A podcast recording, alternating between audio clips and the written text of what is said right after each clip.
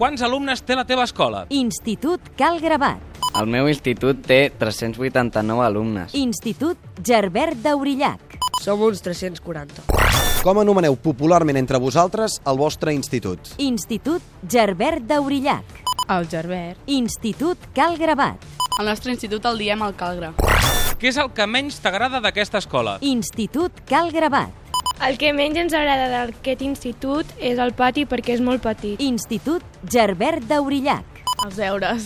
bueno, els de socials, perquè ens posen quasi cada dia. Què és el que més t'agrada de l'escola? Institut Gerbert d'Aurillac. L'hora del pati. Bueno, i també parlar amb els amics i això a l'hora- a l'arribar i al marxar. Institut Cal Gravat.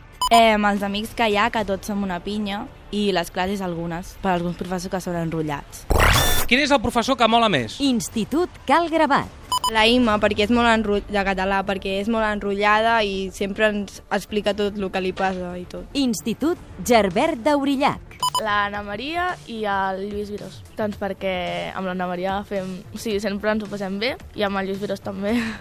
Quina és la professora més guapa? Institut Gerbert d'Aurillac. Montse Sala. Doncs no sé, perquè és molt guapa, perquè té molt bon cos. Institut Cal Gravat. Em, L'Anna de música perquè és roset amb els ulls superbonics. No sé, m'encanta. Confessa com a mínim un dels mals noms que heu posat als professors del centre. Institut Cal Gravat. La loca.